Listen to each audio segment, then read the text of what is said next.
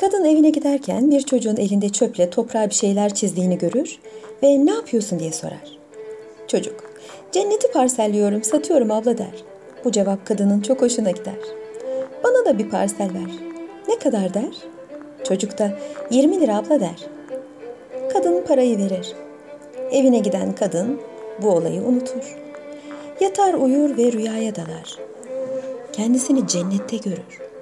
Sonraki günlerde de rüyasında hep cennettedir. Bu olayı eşine anlatır. Eşi hemen çocuğun olduğu yere gider. Çocuğa aynı şekilde sorar. Ne yapıyorsun diye. Çocuk da aynı cevabı verir. Adam, bana da bir parsel ver. Kaç lira der?